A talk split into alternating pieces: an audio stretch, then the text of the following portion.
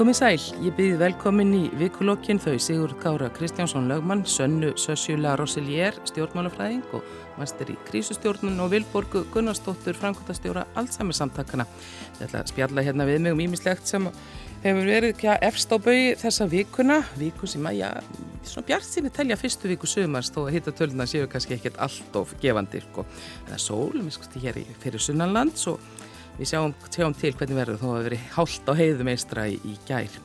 En það er næg að taka í fréttum vikunar, bara eins og alltaf, um ekki að segja það, það berast erfiða fréttur utan á heimi, bæða á kórunum eru faraldri, mótmæljum og óerðum í bandaríkjónum.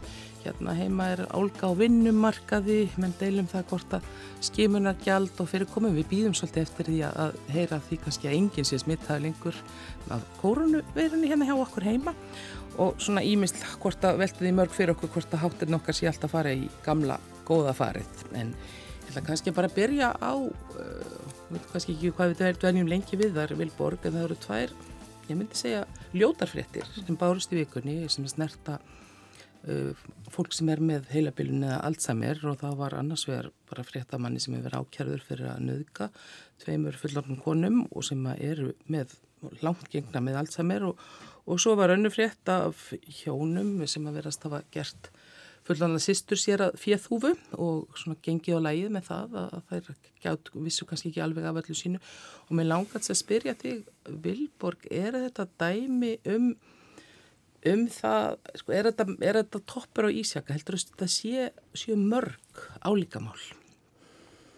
Auðvitað vona ég ekki en eins og með alla aðra glæpi sem þetta náttúrulega er, þetta er ekkit annað en glæpur hvort, hvort tvekja, að þá, þá grassir að þeir og, og endur taka sig því miður, þannig að ég get alveg sagt að, að ég óttast að þetta einu alveg eftir að endur taka sig.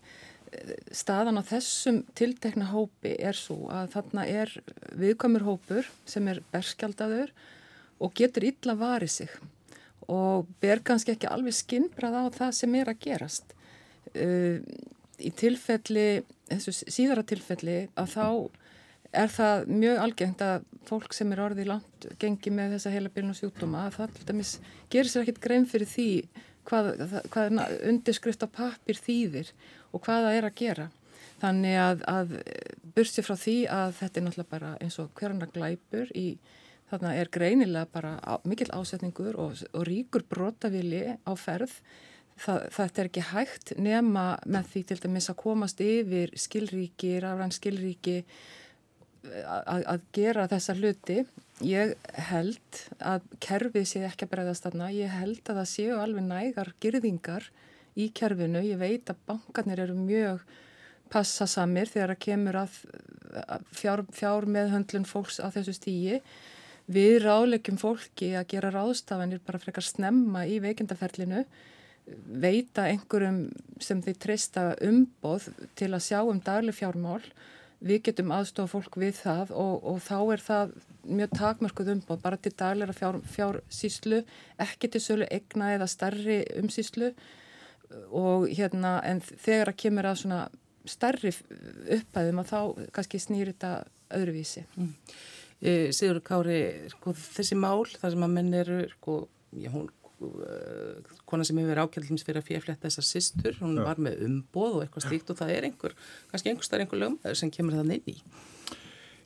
Það það nú ekki endilega að vera. Þú getur, þú getur fengið umboð til þess að, til þess að hérna, umgangast reikning. Einhver svona einstakling sem að getur kannski ekki eða er í erfiðri stöðu til þess að sinna svona sínum daglugu þörfum, fara út í banka, fara í búð og og annað nokkuð fyrir þig uh, bara með milligöngu bankans ef allt virðist uh, svona nokkuð neginn eðlilegt.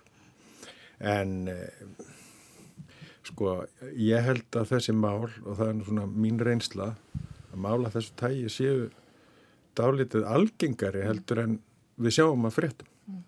Ég hef reykist á það í, í mínum störfum að það koma mjög oft upp einhver mál þar sem að þar sem að einhver sem að er nákomin einstaklingi sem að já, kannski einhverja peninga ekkit endilega mjög mikið hefur tekið að sér að, að, að aðstofan og misfarið með það tröst og það er ekkit bundið við það að, að við komum til sé ekki partur af fjölskyldunni eða fjölskyldan sé samansett með einhverjum óvenjulegum hætti.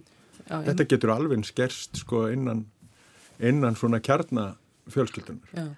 og þessi hópur eins og hér kom fram fólk sem að þjáast af, af Alzheimer er alveg sérstaklega hvað ég var að segja, ítla settur og berskjaldadur fyrir svona misnótkun og mín skoðun er svo að að aðstandendur allir þegar þeir vita að, að, að einhverju fjölskyldunni, fjölskyldufæðurinn eða móðurinn þjáist að þessum sjúkdómi þá þurfi allir að taka saman höndum og fylgjast með því hvernig farið er með fjármunni hvers og eins. Mm. vegna þess að freystingarnar oft, sko, maður veit sko, ástæðunar fyrir því að fólk fer þessa leið að svíkja fjöð út úr einhverjum sem að, sem að þjáist af þessum sjúkdómi eða öðrum geta verið ímsar, fólk getur verið í, í, í hérna, einhverju fjárháskrökkum eða öðru slíku, það þarf ekki að vera einhver sko, rótgróin íllvilji sem að býra baki því að, að, fólk fer að draga sér fjö annara eh, heldur, heldur eru menn kannski að byrja að retta sér út úr einhvernum fjárhásörðuleikum ætla að borga tilbaka og gera það ekki á endanum en að svo verður, svo verður staðan erfiðar og erfiðar og eftir eftir situr sá sem broti er gegn mm. Það, og svona mín skoðin er svo að fólk þarf að vera á varbergi, líka gagvart sínum náðustu, því miður. En það kannski eins og í þessu máli sem vorum vísum til með þessu hérna það sem hefur verið þess sem að fólk hafi bara fjeflett, mm -hmm. það gert sér að fjef þú mm. tvær fullundar konur sem að, að voru kannski líka voru reyndar verðast vera ekki með, er ballausar og ekki með stóran svona aðstandenda hópu þekki eins og sem kannski ekki alltaf mikið en, en þetta er líka svona, svona langur tími og mm. kemur þetta ekki fyrir en mjög seint í ferlinu þegar einmitt lögmenn eru fengnir til að þeim skipaði lögraða menn mm. þannig að þetta er erfitt menn kannski að, vita hvenar hvenar er komið inn í þetta sko. einhver starf á leiðinni hefur orðið einhver mm. brútóla meða mistök eins og allavega að málinu er líst að það önnur konan var sótt inn á hjókunaheimil og farið með hann til síslumans til að breyta erðaskrá. Mm. Það á ekki að vera hægt. En hérna, en Sigur Káru bendi léttilega á að þetta er algengara heldur en maður heyrir og það er líka bara, þú veist, að vakna kannski einhver tortrykni innan fjölskyldunar þegar að það eru peningar einhver staðar og einhver einn er að sjá um málinn, kannski er þessi tortrykni ástæðilegs og því, þess þá heldur ætti fólk að vera bara með þessi mál á hreinu, ganga frá því. Við höfum svolítið tala fyrir því þegar fólk eru svona veikt að það verði svift lögræði eða, eða fjárræði í það minsta. Þetta orð svifting er bara svo óaðlandi að fólk rekkur við og segir bara nei, nei, ekki mömmu. En það vil svo til að þessi aðgerð hún er tiltöla einföld. Viðkomandi sjúklingur, hann þarf ekki einu svona vita af því. Þetta, það er gjafsókn í þessum málum fyrir domstólum og, og síðan er þessu fólki skipaði fjárhalsmaður og þá, þannig er málum bara best skipað held ég. Já en þannig að vegast á annars vegar sko mannriktindi þessum að í hlut á uh, og, og, og hins vegar svona vendin gagvart mm. honum sjálf mm. og þessi mál ganga þannig fyrir sig að, að, að svona, hvort sem þú kallar það fjárræðisviftingu eða lauræðisviftingu eða, eða eða svifting á svona personréttindum hún fer auðvitað ekki fram nema að það liggi fyrir sko álit læknis um það að við komum til að sé bara ekki færum til þess að sjá um sín einn fjármála eða sín mála öðru leiti þannig að mm. Þú þart að komast yfir ákveðin þröskuld. Eh, en það kann vel að vera að, að, að, að það megi kalla þetta ykkur um öðrum nöfnum. Að við komum til fái bara óháðan einhvern aðstóðarmann eða fjárhaldsmann með sínum fjármálum til þess að tryggja að, að, að þau verði í lægi að minnstakosti ef að aðstæður eru, mm.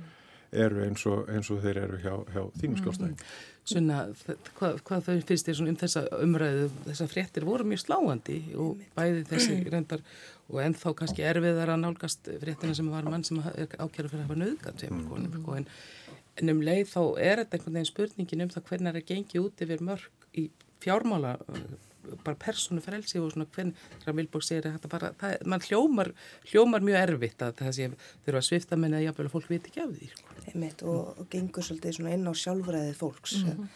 og þetta er svo vand með farið að eins og þú segir þegar, þegar börn einstaknings sjúklingana sem er að ég geti ekki gert mömmu þetta, veist, hvernig eiga þessar samræður að fara fram og það er kannski svona svolítið erfitt þegar þú ert fjölskylda í þessari aðstöðum hvernig áttu, hvernig áttu að leita til. Þess að við finnst svo gott að hafa þessu umræðu hér að fólk áttu sig á að þetta er kannski eins og þið segið mun algengara því miður mm. þetta er á sér stað að geta haft að opna umræðu bara ef ég skildi lenda í þessu minn nánasti ættingi. Hvernig, er, hvernig eru ferðlarnir með þetta? Og þetta er rosalega erfið umræða. Þegar þú ert kannski orðin veikur en þú ert samt einstaklingur þú ert samt með ditt sjálfræði. Mm -hmm. Já, já, og þetta er náttúrulega afhjúpar á mjög dramatískan hátt hversu sko, beskjaldað og fólk er sko gagvart í að það sé bara brotið á því að þetta er verið að fremja þarna glæpi í, í, þetta er ekki spurninginu bara, þetta er bara eitthvað sem gerist heldur er einhver sem er að, að brjóta af sér sko. Og svo eru þeir, svo er þeir þessi afmarkaði hópur allsefnarsjúklingar eru þetta ekki frásögnar um það hvað gekk á eða hvernig hérna, hlutinir gengur fyrir sig en þegar ég er að ráðleika fólki það að, að, að hafa þessa hluti á, á hreinu og koma um í einhvern farveg þannig að allir getur fylst með þá er að segja það vegna þess að það morg, marg borgar sér til framtíðar. Á endan verður þetta fólk færi þetta fólk stöðu erfingja. Og það er nú reynslan að þegar, þegar dánabú koma til skipta að þá blossar mjög oft upp mhm. ágreiningur meðal fólks, meðal afkomenda, sískina mm um kannski fjárhagslega hagsmunni sem að er ekkert svo Nei. og ef að það kemur upp úr kafinu þegar, þegar skiptastjóri tekur að sér að, að skipta dánarbúi eða einn hefur fengið meira heldur en annar að þá er mjög algengt að mjög hatramar deilur blossu upp innan fjölskyldna sem að, sem að splundra þeim. Og á endan verður alltaf niðurstöðan svo að því að skiptastjórin hefur auðvitað öll tækið til þess að kalla, uh, kalla fram öll gögn um viðkomandi á endanum er bara dæmi gert upp og, og, og hérna sá sem að gekk svona fram, gagvart hinnum látna, hann þarf auðvitað að greiða tilbaka. Já, það er meðal annars hlutverk okkar hjá alls sem samtíkunum að veita ráðgjöf mm. og við fáum bara mjög reglulega einn eh, beðinni um ráðgjöf um, sem, sem lúta þessum málum Já. og kannski ekki bara fjárhagsmálum heldur bara umgengnismálum jáfnvel, Já, þannig að, að þetta getur verið afskaplega flóki. Mm. En þetta er bara eins og ég segi þá hafa voruð þetta miskusti mjög afhjúpandi og svona tilipnið ég held að margir hásli hrokki í kút þegar komið þessar, mm. þessar fregnir. Mm -hmm. En ef við orfum nú aðeins út í heim því að það hafa nú ekki, það er bara ekki verið sá fréttatími þessa vikuna sem hefur ekki snúist að mörguleiti um, eða fyrsta eða önnu frétt hefur ekki verið um bandaríkin mm. og ástandi þar og mótmæli og óerðir og viðbara stjórnvalda og, og hvernig svona horfir á þetta, hvernig minn horfa á þetta Uh, Sunna, þú hefur nú, við höfum öll fylgst með þessum fréttum, mm. en þú hefur tengingar vestur um haf, pappiðin býr í bandarækjanum, er svartur og þú hefur svona hlýt, kannski horfir á þetta eitthvað aðeins öðrum augum heldur en við. Já, maður stendur svolítið nær málefninu kannski en aðrir hérlendis og einmitt það er reyla flest fjöðu fjölskyldum mín er, er statt í bandarækjunum og það hefur rosalega áhugavert að heyra hvað þau hafa að segja um, um málið og hafa nýtt samfélagsmiðla mjög vel að setja inn upplýsingar á Instagram og Facebook og það sem mér fannst þó alveg rosalega sláandi var þegar ég var að lesa frásagnir fransískina minna til dæmis að sjá aðtöðasemdir við sagt, þessum innleikum þeirra að maður svona gleymir stundum, maður búi stundum í algjöru bublu. Maður er svona alltaf sækist í líkan heim og, og fólk sem hefur sömu skoðanir og maður sjálfur. Svo þegar ég var að lesa til dæmis eh, eitt frændi minn, við erum sér satt hérna, mamma hans og amma mín eru sýstur og við erum mjög náinn, við erum alveg upp á sama heimili. Uh, tveimur árum yngre en ég, mjög dökkur á hörund, uh, hávaksinn, íþróttamæður, svona mjög þreikvaksinn og hérna Eh, hann sagt, skrifar pistil í, í kjálfar atbyrða senstu viku og segir sjálfur að hann upplifir sig eiginlega alltaf smeikan dagstæla að lappa út úr húsi sem svartur þeldökkum maður í bandreikinum en séu raun aldrei örugur og gerir sig grein fyrir að hans, sagt, bara, hans tilvist er ógnandi til margar einstaklinga, margar sambúa hans. Og mjög þó falleg og mikilvæg umræða sem skapaðist vegna þess út af þessu. Mm. En svo er sagt, uh, einstaklingu sem hann þekkir sem, sem skrifar inn aðtöðasemt sem var algjörlega á móti öllu sem ég hafði lesið sagt, og mér svona brá rosalega mikið. Þetta var ekki, ég myndi ekki endilega skilgjörn sem fá, fáfræði en þarna var þessi einstaklingu sem upplifiði eins og það var að vera að ráðast á hann sem mannesku og það er, hann er kvítur uppruna og er þess að þeir hafi verið báður í skóla hann segir þú ert ekki fórnalamp, við erum líka fórnalamp og þá mm. fór þetta snúa svolítið, vatn svolítið upp á sig. Og mér fannst þetta svolítið magnað að sjá með þetta skilgrinni svolítið þessa umræðu og þessa óerðir bara ok, já við sjáum vandamáli en hvað með allir innvandamálin hvað með allt þetta, Svona, já en það er ekki verið að tala um það já. þessu sinni. Og það á að gefa þessu málefni smá hljómgrunn og smá plás upplýði ég. Og þess vegna finnst mér svo gott að það sé verið að tala um þetta þó að sé rúmlega tíu dagar síðan að uh, aftakan á George Floyd átt sér stað að þetta sé ennþá lifandi í okkar umræðu hérlendis. Hérna. En, en það er ennþá mótmæli, svo, mm -hmm. svo mhm. finnst, þér, finnst þér menn þá rekka í það samt líka af því að það er mótmæli en svo mhm. eru líka óerðir og það er, er mjög sjokkerandi myndir sem maður hefur séð líka for sem fólk gengur um sko, með bara brennandi og, og, og brjótandi sko, allt sem fyrir verður sko, mm -hmm. og, og þá er kannski þá verður kannski viðbræðið að segja mena, þú, þetta, þetta er bara komið út yfir allt sko. mm -hmm.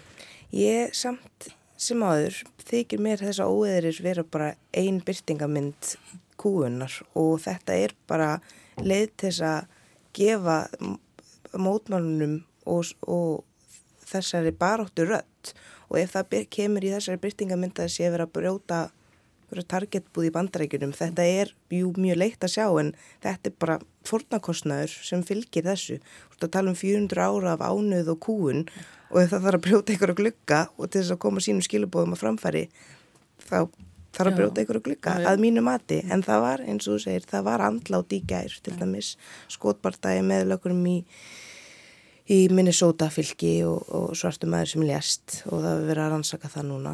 Svo þetta er svona það er verið að reyna að halda þessu eins fyrirsamlegt og hægt er en eins, eins og nefnið þá eru þess að óeðrir svolítið líka sjóðu svolítið upp úr. Æ, Svo eh, við höfum hort á þetta og maður kannski, maður sér þetta breyðast út um öll bandaríkinn átt að sé kannski ekki alveg á því hvernig samsetningin er í kring eða eitthvað sless en, um leið þá horfum við voða mikið á, á sko Þetta er náttúrulega í bandaríkjónum þar sem mm -hmm. er þetta á hverjum stað viðbra lauruglunar eru, eru sko, svæðisbundin eða staðbundin mm -hmm. sko, en við horfum svolítið til kannski þjóðhauðingjans og segjum hvað, af hverju gerir hann ekki eitthvað? Mm -hmm.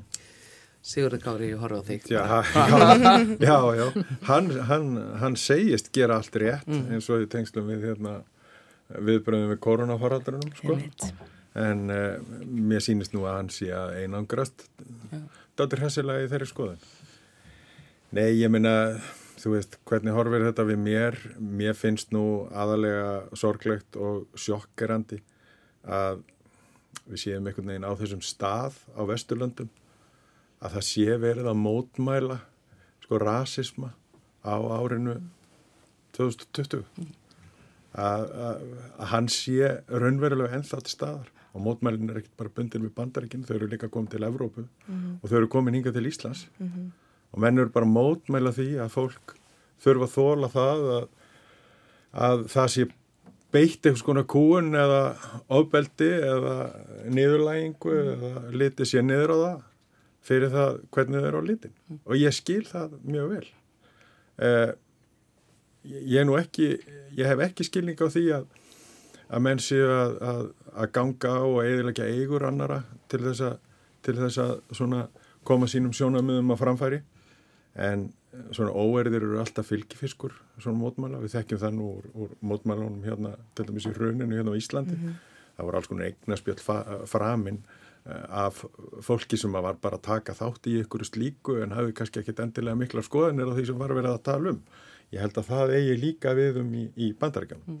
en þjóðhauðingin hann hefur að mínum að þið Trump eh, hann hefur brúðist illa við þessu ástandi og mér fannst sjokkerandi í síðustu viku þegar hann fór að lýsa því að það kemur vel til greina að, að segja sko hernum Amen. á mótmælendur með því þá fór hann hjóana sér nærriði að, að lýsa yfir stríði við eigin þjóð mm.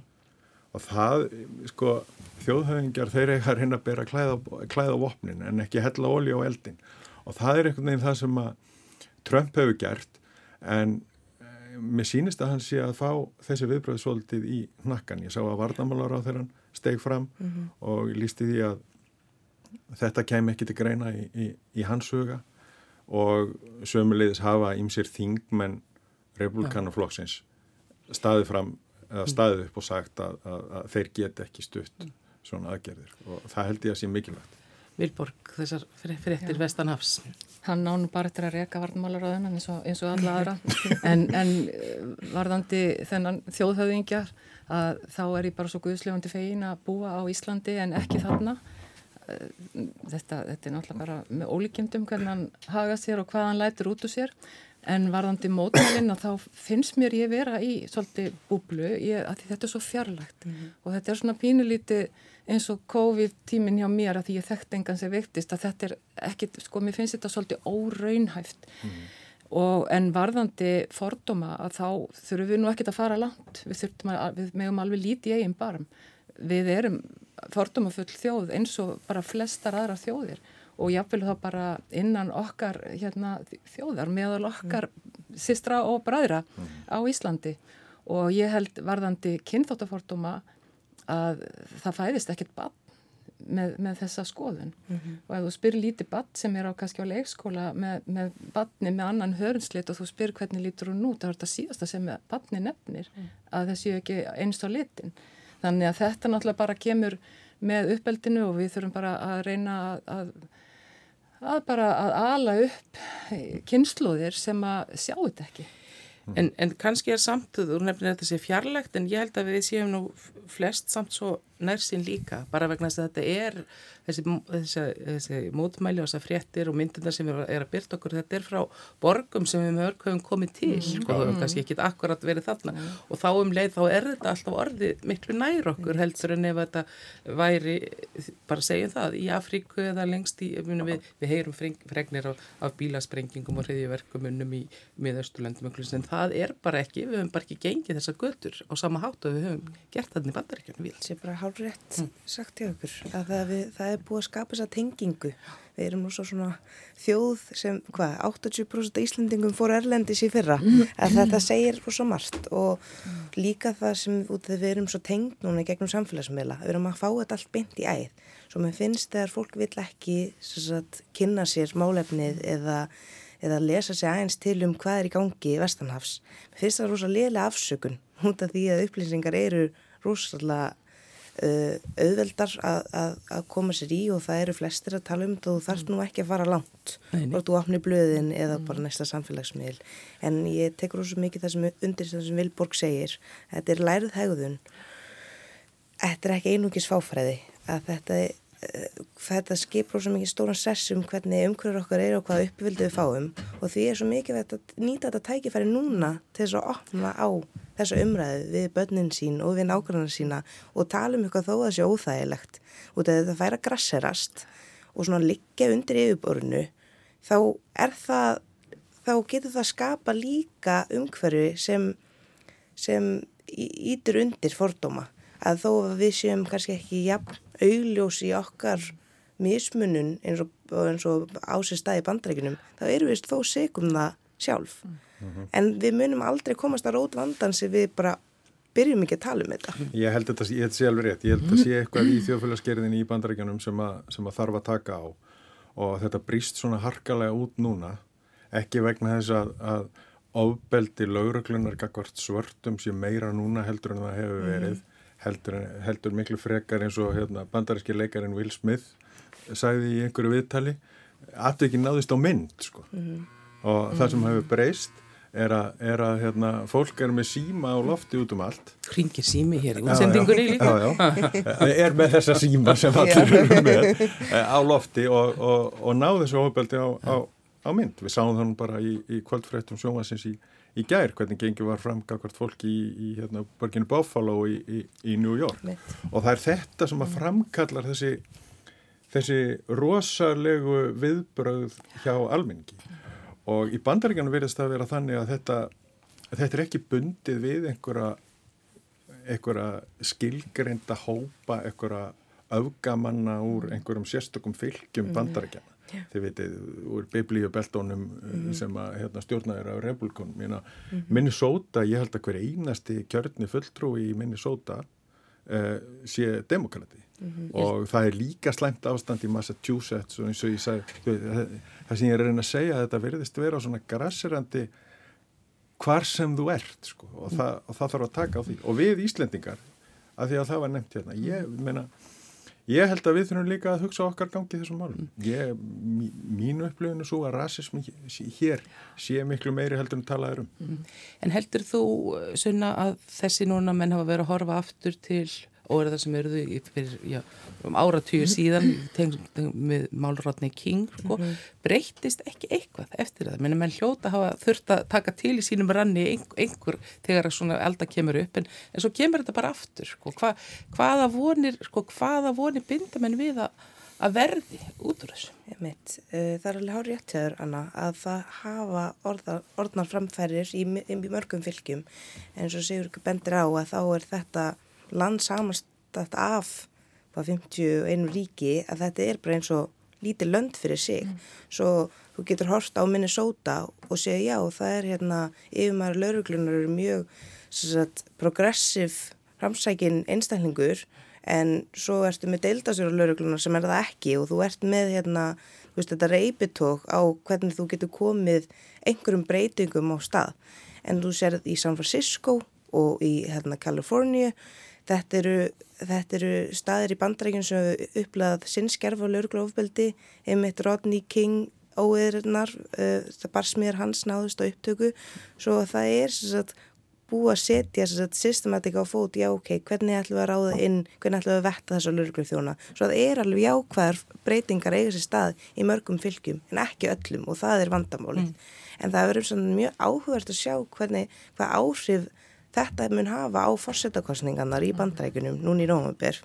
Spurning hvort það sé allt og langt hann á milli og það kosið í nógumber og og það verður mjög þá í júni og fólk á það til að gleima svona það er rosalega ekki skafslíma minnisleysi nákvæmlega. Svo ég var alveg svona, ákveðna áhugir á því. Mm. og vilst því hveti alla sem eru með töfaldar ríkisborgarréttan í Íslandi að fara að kjósa núna í bandaríska sendranu og það tekur sinn tíma ja. nokkra mánuði stundum. En, en kom eins og, eins og þetta eins og við erum að tala um þetta gerist í, í Minneapolis, mm -hmm. í Minnesota, þetta er Norðuríki, þetta er ekki, við erum nú öll skilit kannski bara af, af svona menningarneislokkar og bíómyndum og, mm -hmm. og höldum það að, að sko rasismi í Suðuríkjanum, þar grasseri hann nú þarna, þetta er tiltölu að frjálslindríkja og margir íslendinga komið þarna, lært þarna finnst mörgum þeir vera bara svona nokkurnu einn heima hjá sér þegar þeir koma þarna inn og þess vegna verða menn kannski ennþá hérna bregður ennþá meira við þegar þetta kemur. Og einnig, minni sóta mjög blanda fylgi, mm. rosalega mikið innflytjandum frá Sómalíu til dæmis og þegar maður lappar um minni, minni Applisborg þá er þetta bara eins og hverjunu stórborg og það er rosalega hlýtt viðmót. Og eins og Sigur Kári segir að þetta er mjög blátt fylgi líka minni sóta. mm og hérna þegar ég var sérst á samstöðu hundunum í, í, síðustu viku hann á Austuvelli, þá var maður á nafni Þorkell sem er sérst blandar íslendingur og ralin upp í Minneapolis. Og hann sagði sínar sögur á því að hann er sérst bara hverfið hans er sérst hann, hann ólst upp 30 metrum frá því það sem atvikið með George Floyd aðsista og það var magnað að heyra hlusta á hans sög og hvernig hann upplifið sig sem Íslending og einnig sem bandreiskan þeldökan einstaklingi sem kemur frá þessum svona ground zero af Black Lives Matters reyfinguna núna að þessu sinni og þetta setur svolítið bara svona undir sig að þetta gæti bara átt sér stað hvar sem er mm -hmm. Þetta er blátt fylki og með rosalega hlýjar móttökur og rosalega progressiv fylki. Já, já.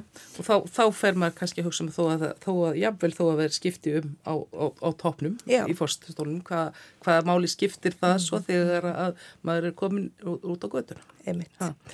Klukkan er rúmlega hálf tól, þau sittir hérna hjá mér, þau Sigurður Kári Kristjánsson, Sunna Sasja Lóroselier og Vilborg Gunnarsdóttir og við höfum verið að spjalla um svona ímislegt sem hefur verið í frétturum í vikunni og svona áður en við kveðjum þessa umræðu kannski þá vil ég aðeins svona bakka aftur í það sko, það er frásagn sem hafa verið að byrtast núna á mm. samfélagsmiðlum, við erum alltaf mm -hmm. þar sem að fólk hefur kannski margir verið að lýsa sinni upplifun af því að jújú, jú, það er kannski ekki barið og göttum úti, sko, mm -hmm. en hefur mætt svona mismunun og orðið fyrir fordómum fólk sem er alið upp hér átt -hmm. alla sína, Hva, hvað eh, sko, er þetta svona því að þér finnst þetta kannski, í raun og veru er þetta kærkomið tækfæri til þess að aðeins að, að skerpa á þessu mm. Já, takk fyrir þetta Anna um, eins og ég nefndi þann þá er eiga þessi fórstúmar sér staðal á Íslandi.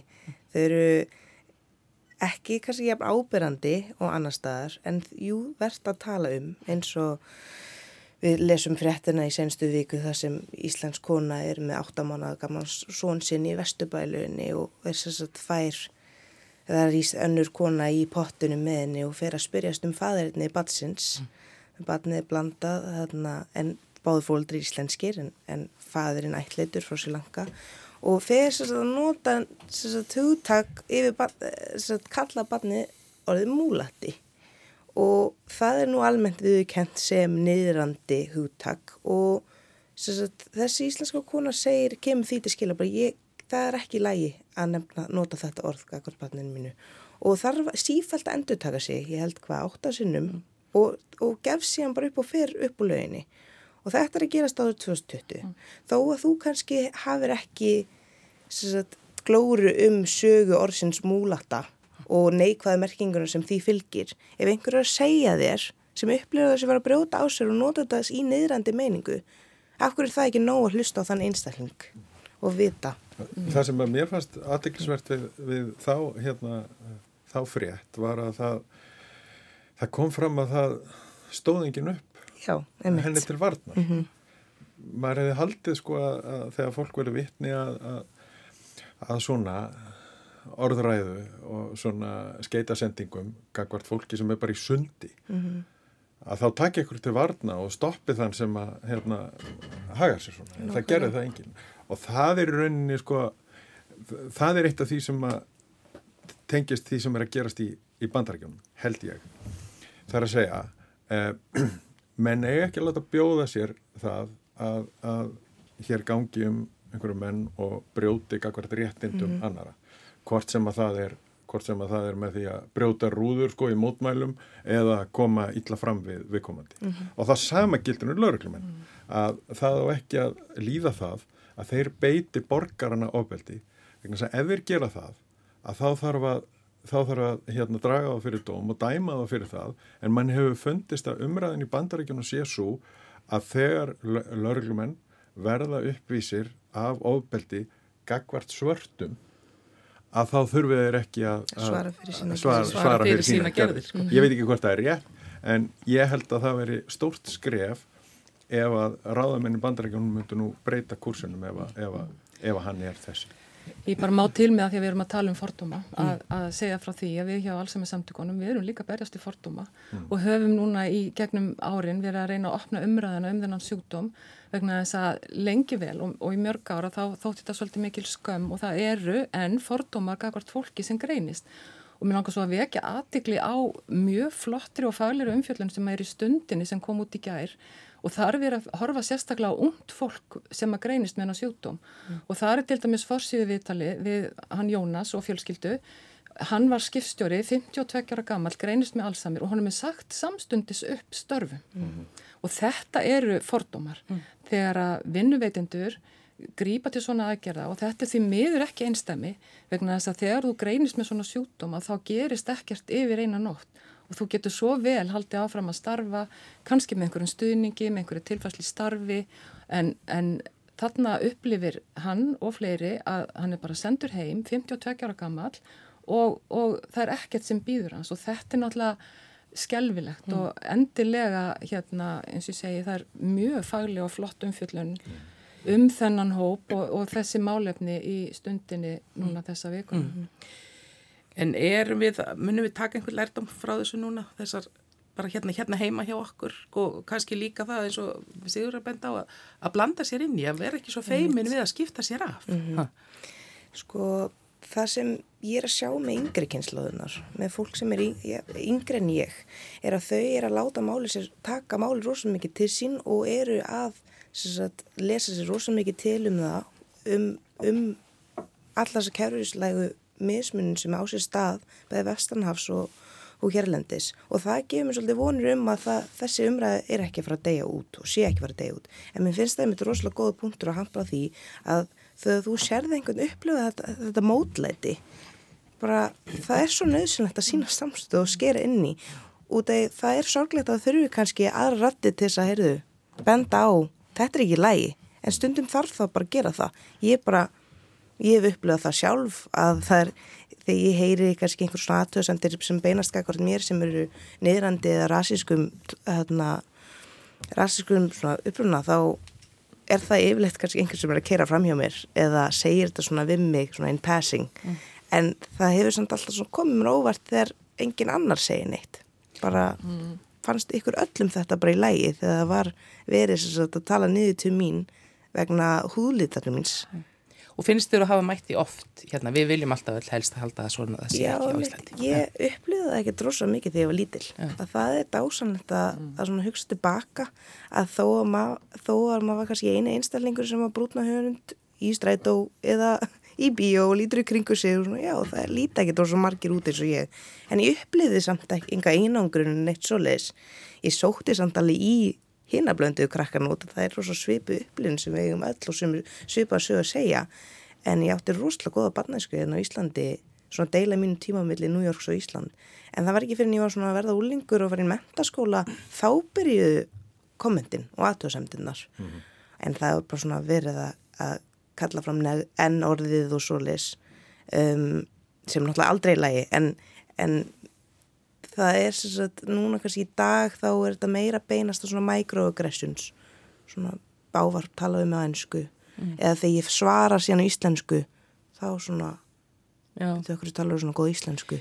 Ertu íslendingur og svona þetta svona en, Þa, en það er En það hafa, ég hef tekið eftir nokkur frásögnum þar sem er fólk sem er, sem er ætletting að mm. tala og finnst særendi spurningin sko hvaðan ertu? Mm -hmm. svarið er mm -hmm ég er á vestufænum og hamstanga eitthvað svo lesið, mm -hmm. en, nei en, en í raun og veru, hvaðan mm -hmm. ertu og það er þetta, þetta er eitthvað sem fólk þarf kannski bara að læra að hætta. Ég skil alveg við þessa forvitni auðvitað, það er mjög vist alveg sjálfsagt að, að vilja spyrja spurningar en það er kannski bara vanda sig aðeins hvernig maður kemur að efninu. Og þú ert að láta manneskinu upplifa eins og þú séu eitthvað geimverða og ekki heima í samfélaginu. Mm.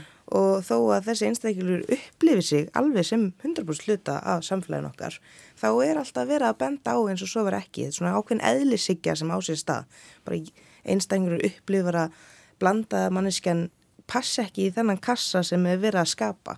Og þess vegna kannski má bara spyrja hérna, já ok, hvaðan erstu, já, erstu vestubænum já, en hver er kannski, what's your ethnic background mm. það er kannski munurinn er kannski sá að, að hérna að þú veist hinnir, mm -hmm. þeir þurfu ekki alltaf að vera að gera, gera grein fyrir sig eða, eða hérna, réttlæta tilveru sína sko. mm. það þarf svolítið lítið til held ég til þess að, að stögga við fólki með þessum hætti mm -hmm. og við þurfum að passa það að gera það ekki e, við svona þó að þessi náttúrulega þessi umræða sé verði sent tæmt þá mhm. ætlum við nú aðeins svona að stökka til í fréttum vikunar og, mm -hmm. og uh, já, ég veit ekki hvort að það er hægt, kannski hægt að afgræða það nokkuð snarlega en það er, eru fórstakostningar á Íslandi á næsta liti það er ekki, ekki langt í þær mm -hmm. kom könnun í vikunni verður kosið millir tveggja einstaklinga núna og könnun gaf nú reyndar til kynna að það væri, væri mjög mikil munur þar á en hvað finnst ykkur um er sko fórstakostningar sem að, að það sem að koma kannanir sem eru svona afgerandi að Guðinni T.H. Jóhannesson nýti svona yfirgnefandi mikil stuðnís og þó að sá sem sækjar að segir já það er langur vegur og vika, vika er langur tímpolítík hvað þá þrjár sko. eh, hvað finnst ykkur um, um þessar kostningar Vilborg? Þetta er bara líðræðið eins og það mm. byrtist og hérna og ég vil nota tækifæra á hvetja sem flesta til að fara á kjörstað þannig að það skiptir rosalega miklu máli að að núverandi fósiti fái sterka og, og góða kostningu. Ég held að við séum alveg sérstaklega góð fósita hjón á bestastöðum núna. Þau eru bæðið að standa sig gríðarlega vel. Elisa Rít er verndari allsefnir samtakana og hefur staðið sér alveg sérstaklega vel og alltaf tilbúin til að hlaupa með okkur hvert á land sem er. Og á meðan að slíkt, slík efni er í kjöri að þá hlýtur maður, eða ég, að styðja þau. En það er mjög mikilvægt að nýta kostningaréttin og fara á kjörsta. Ég, ég sá hérna, það var samtali í vikunni við hérna Guðmund Haldónsson sagfræðarprofessor sem talaði um það, sko, menn er náttúrulega að tala um líðræðið og sagði, nefndi það að það væri ekki lengur samtakt að líta það sem einhverja móðgun við sitjandi fórseta þó komi frambóð, það sé sko, hvað frambóð Guðmundar Franklís, hvernig sem það nú fer, þá, þá sé það, er það, þegar, það hefur alveg heyrst tautað, margir segja, þetta er svo afgerandi að bara, bara sleppa þessu. Já, já, mm. það var líka sagt þegar Sigurður Þorsteinsdóttir böð, böði sér fram gegn Víktísi, mm. þetta er bara partur á líðræðinu, mm. við veitum að svona kostningar þar kosta hönd og fót, en það er bara svo fornakostnaði sem við leggja, og verðum að leggja í uh, ef við viljum viðhafa þetta fyrirkomulega. Ég meina, ég geri, ég veit ekki, ég, ég geri nú ekki ráð fyrir því að Guðmundur Franklín hafi haft ykkur að raun, hafa væntingar um það að hann myndi sigra þessar kostningar þegar hann böði sér fram. Það bara getur eiginlega ekki verið, en þetta er hans ákvörðun og hann hefur rétt á því að bjóða sér fram, en ég held að hann muni ekki hafa eirindi sem erfiði. Ég held að það sé alveg morgun ljóst, ég menna, ég held að flestir séu saman að það að Guðni hafi staðið sér ljómandi vel. Mm hann er búin að vera eitt kjörtíðanbill og svona tilnefingin er svo að leifa mannum nú að, að hérna að sitja fleiri, sko, við viljum ekkert miklar svittingar af þessu, að svona kvarlar að manni að, að, að Guðmundur Franklín ég voni í móðgan nú ekki að, að hérna, hann sé nú svona að nota þetta frambóð sem eitthvað plattform, jábel fyrir eitthvað annað. Hann hefur verið að bjóða þessu fram til þings og þetta er ágætt skynning fyrir hann. Og kannski er hann að nýta tækifæri til þess. Já, menn mér má svo sem segja og það er ekkert ekki við því að gera, menn nýta þó þetta tækifæri til þess að vekja aðtikla málstað sem við vilja kynna ef þú, ef þú, og hérna, sapnar áskildum meðmælenda Já, áskildum fjölda mm. meðmælenda uh, og uppfyllir skilirinn, þá getur þú bóðið fram sama hverðu þú ert og sama hvernig staða sítjandi fósita er. Mm. Sunna, fórstakostinga verður spennt? Það verður ekki spennat en þarna, ég tek undir hennar senastu punkt sem Sigur Kári sagði að, þarna, að þetta er uh, það, er það fallaða og frábæra við okkar stjórnkerfi er að hver sem er gæti svo sem búið sér fram og á sinn rétt á að bjóða sér fram. Og það er líðræði, bara byrstingamind líðræðis mm.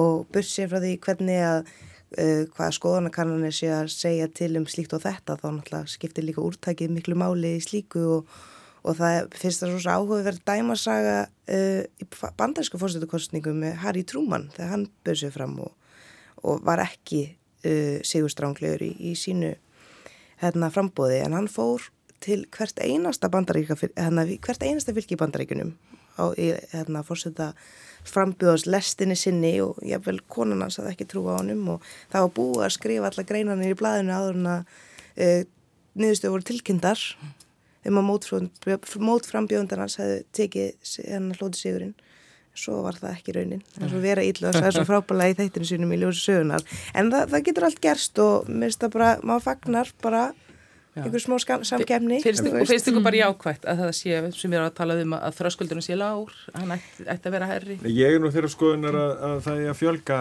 meðmælendum vegna þess að ta talan sem að núna er í lögunum hún held ég hafi miðast við eh, hérna, fjölda Íslendinga 1944 Ég sammála því. Sammála. Síð, þannig, að, þannig að hlutfallið lækkar alltaf og lækkar og þröskuldurinn verður lægri og lægri þannig að í rauninni getur hver sem er bóðið sér fram uh, Það er líka orðið svo auðvelt að gera þetta rafrænt. Þó hafa ekki allir náði Nei, nei, það, það er alveg rétt sko. En, en eh, hugmyndin var svo í upphafið að minnstakosti að hlutfallið væri ákveð sko. Mm. en, en það hefur lækkað með, með stekkun þjóðurinnar en varandi þessar fórstakostingar já, ég held að þetta sé algjört formsatriði. Mm. en eins og fyrir Guðuna þá getur hann að mörguleiti verið, verið þakklátur Guðmundi Franklín fyrir þessar kostningar vegna þess að hann fær þarna tækifæri til þess að keppa við annan frambjóðanda og fá mælingu á sínum styrk. Já, finnst, en finnst ykkur ástæði til þess að sko, setja einhverja skorður við því hver lengi menn er á fórstastóli, menn get ekki bóðið sig fram endalust aftur eða eiga með bara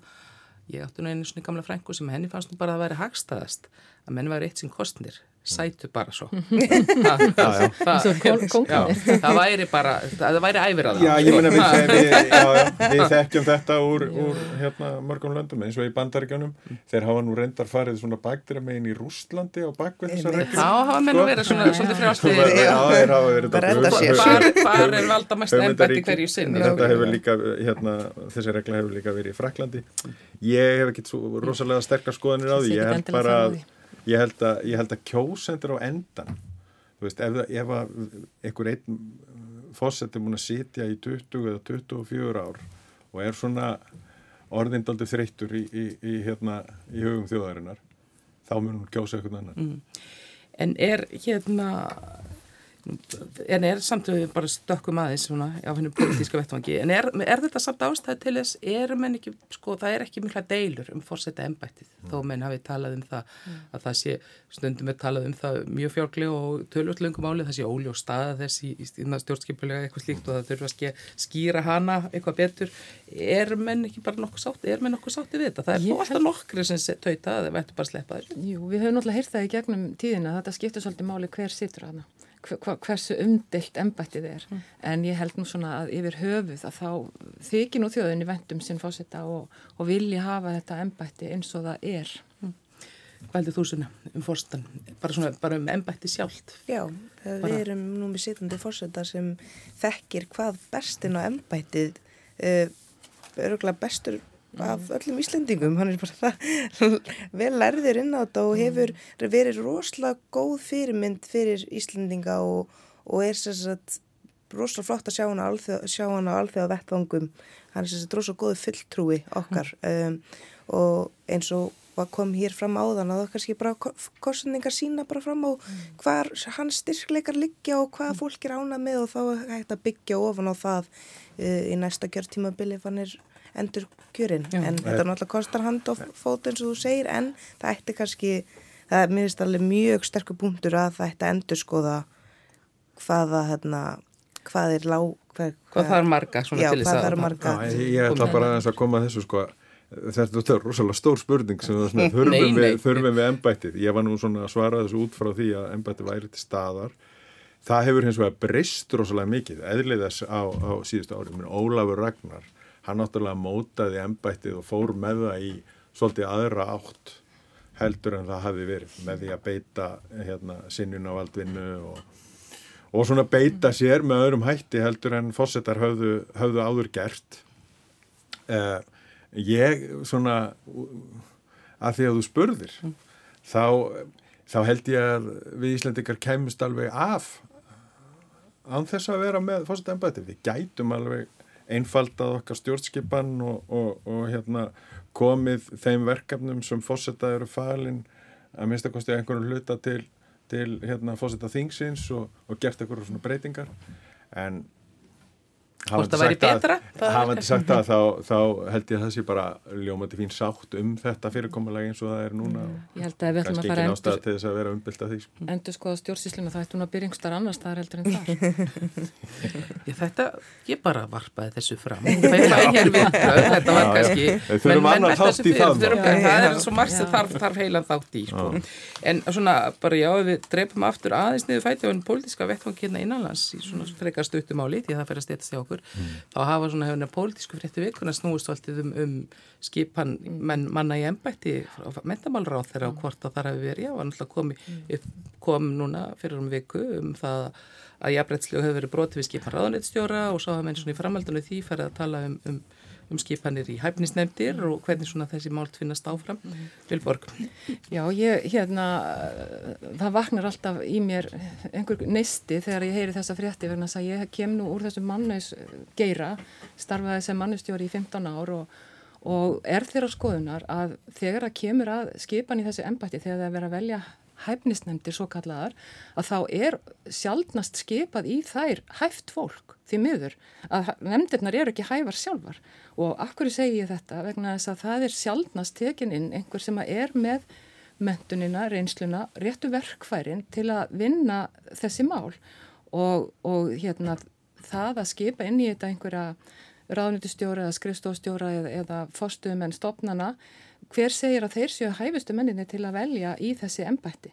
Þannig að ég vil bara fyrir hönd kollega minna í mannustjóra stjætt hérna, vekja svolítið aðtegli á þessu að skipa nú í þessar valnemdir eða þessar hefnisnemdir fólk með réttu verkværi sem sjá í þessari umræðu sunna tókstrættu milli sko bara áberðar þar sé að það sé heldur ekki hægt að framselja pólitíska áberð til sérfræðinga sem að hérna mm. sé ber ekki sömu ábyrg akkvært kjósendum einhvern veginn og þeirra verk sé ekki borin undir einnig neitt. Hvað finnst þér um þetta? Já, það er einmitt rosalega góð punktur og það, það, það er rosalega vand með fara að finna þetta jafnvægi, mm. að hafa einhvern sérfræðing sem þekkir inn á slíka úbánu skipun og aflenga þessa mm hverja ákverðin eru teknar og einn einhver sem ber ábyrðið gagvart kjósutum svo þetta er svona rosa mikilvægt að taka þetta fyrir samt já. sem umræði Já, já, það var alltaf að ræða um gjörðir ráþeirana, kannski og hérna politísku völdfald trótt, sigur Já, ég held að, ég held að mál þetta mál varandi skipan eh, þessa ráðundastjóra hann sýnir bara hvað kerfið er gallað, það er að segja þetta matsnemda kerf mm. -hmm að það eru fengnir einhverjur menn til þess að vega á með þetta hver er hæfastur og, og svo víðri og það sem að Lilja gerði er að hún skipaði þann sem að hæfastnefndin taldi hæfastan mm.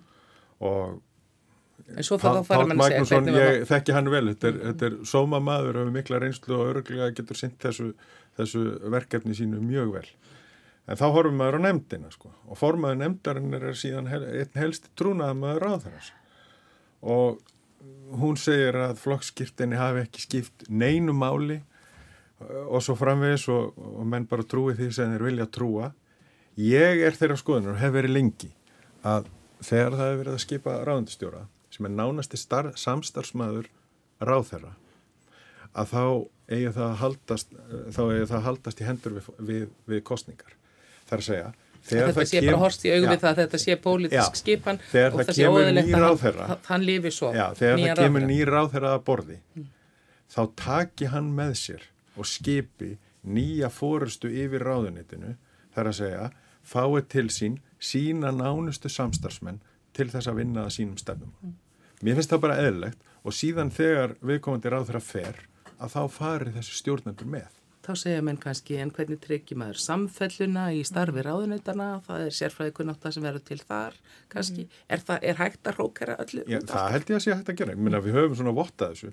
Eh, við erum alltaf með pólitíska aðstofamenn. Já, þeir skipa mm. aðstofamennina en, en ráðunitstjóranir, þeir eru alveg jafn nánir samstarfsmenn ráðherrana eins og aðstofamenninir og allt sem að ráðunitstjóranir gera, allar ákvarðanir sem þeir taka eru teknar á ábyrður ráðherrans og mér, ég tel að það sé bara eðlilegt og lógíst að nánasti samstarfsmæður hversar á þeirra komi inn í ráðuneytum með honum og fari út úr, mm. út úr því á mm. sama tím. Hvað, hvað finnst þér um þetta vilja? Það sé bara heiðalega. Ef það er, ef það er heiðalega, sagt, já, upp á borðum, þetta já. er bara leikreglunar eru þessar, þá er það allt í lagi. Já. En við erum að tala um mjög mörg mikilvæg ennbætti þegar það er verið að skipa í ennbætti forstuðum en stóra ríkistofna og stofna ná annars líkt, að þá er verið að skipa í þessar hefnum, menna skipan dómara, tökum það Það er líka hæfnistemtir, þar eru hafa hæstaréttadómar að vera að velja inn kollegana sína.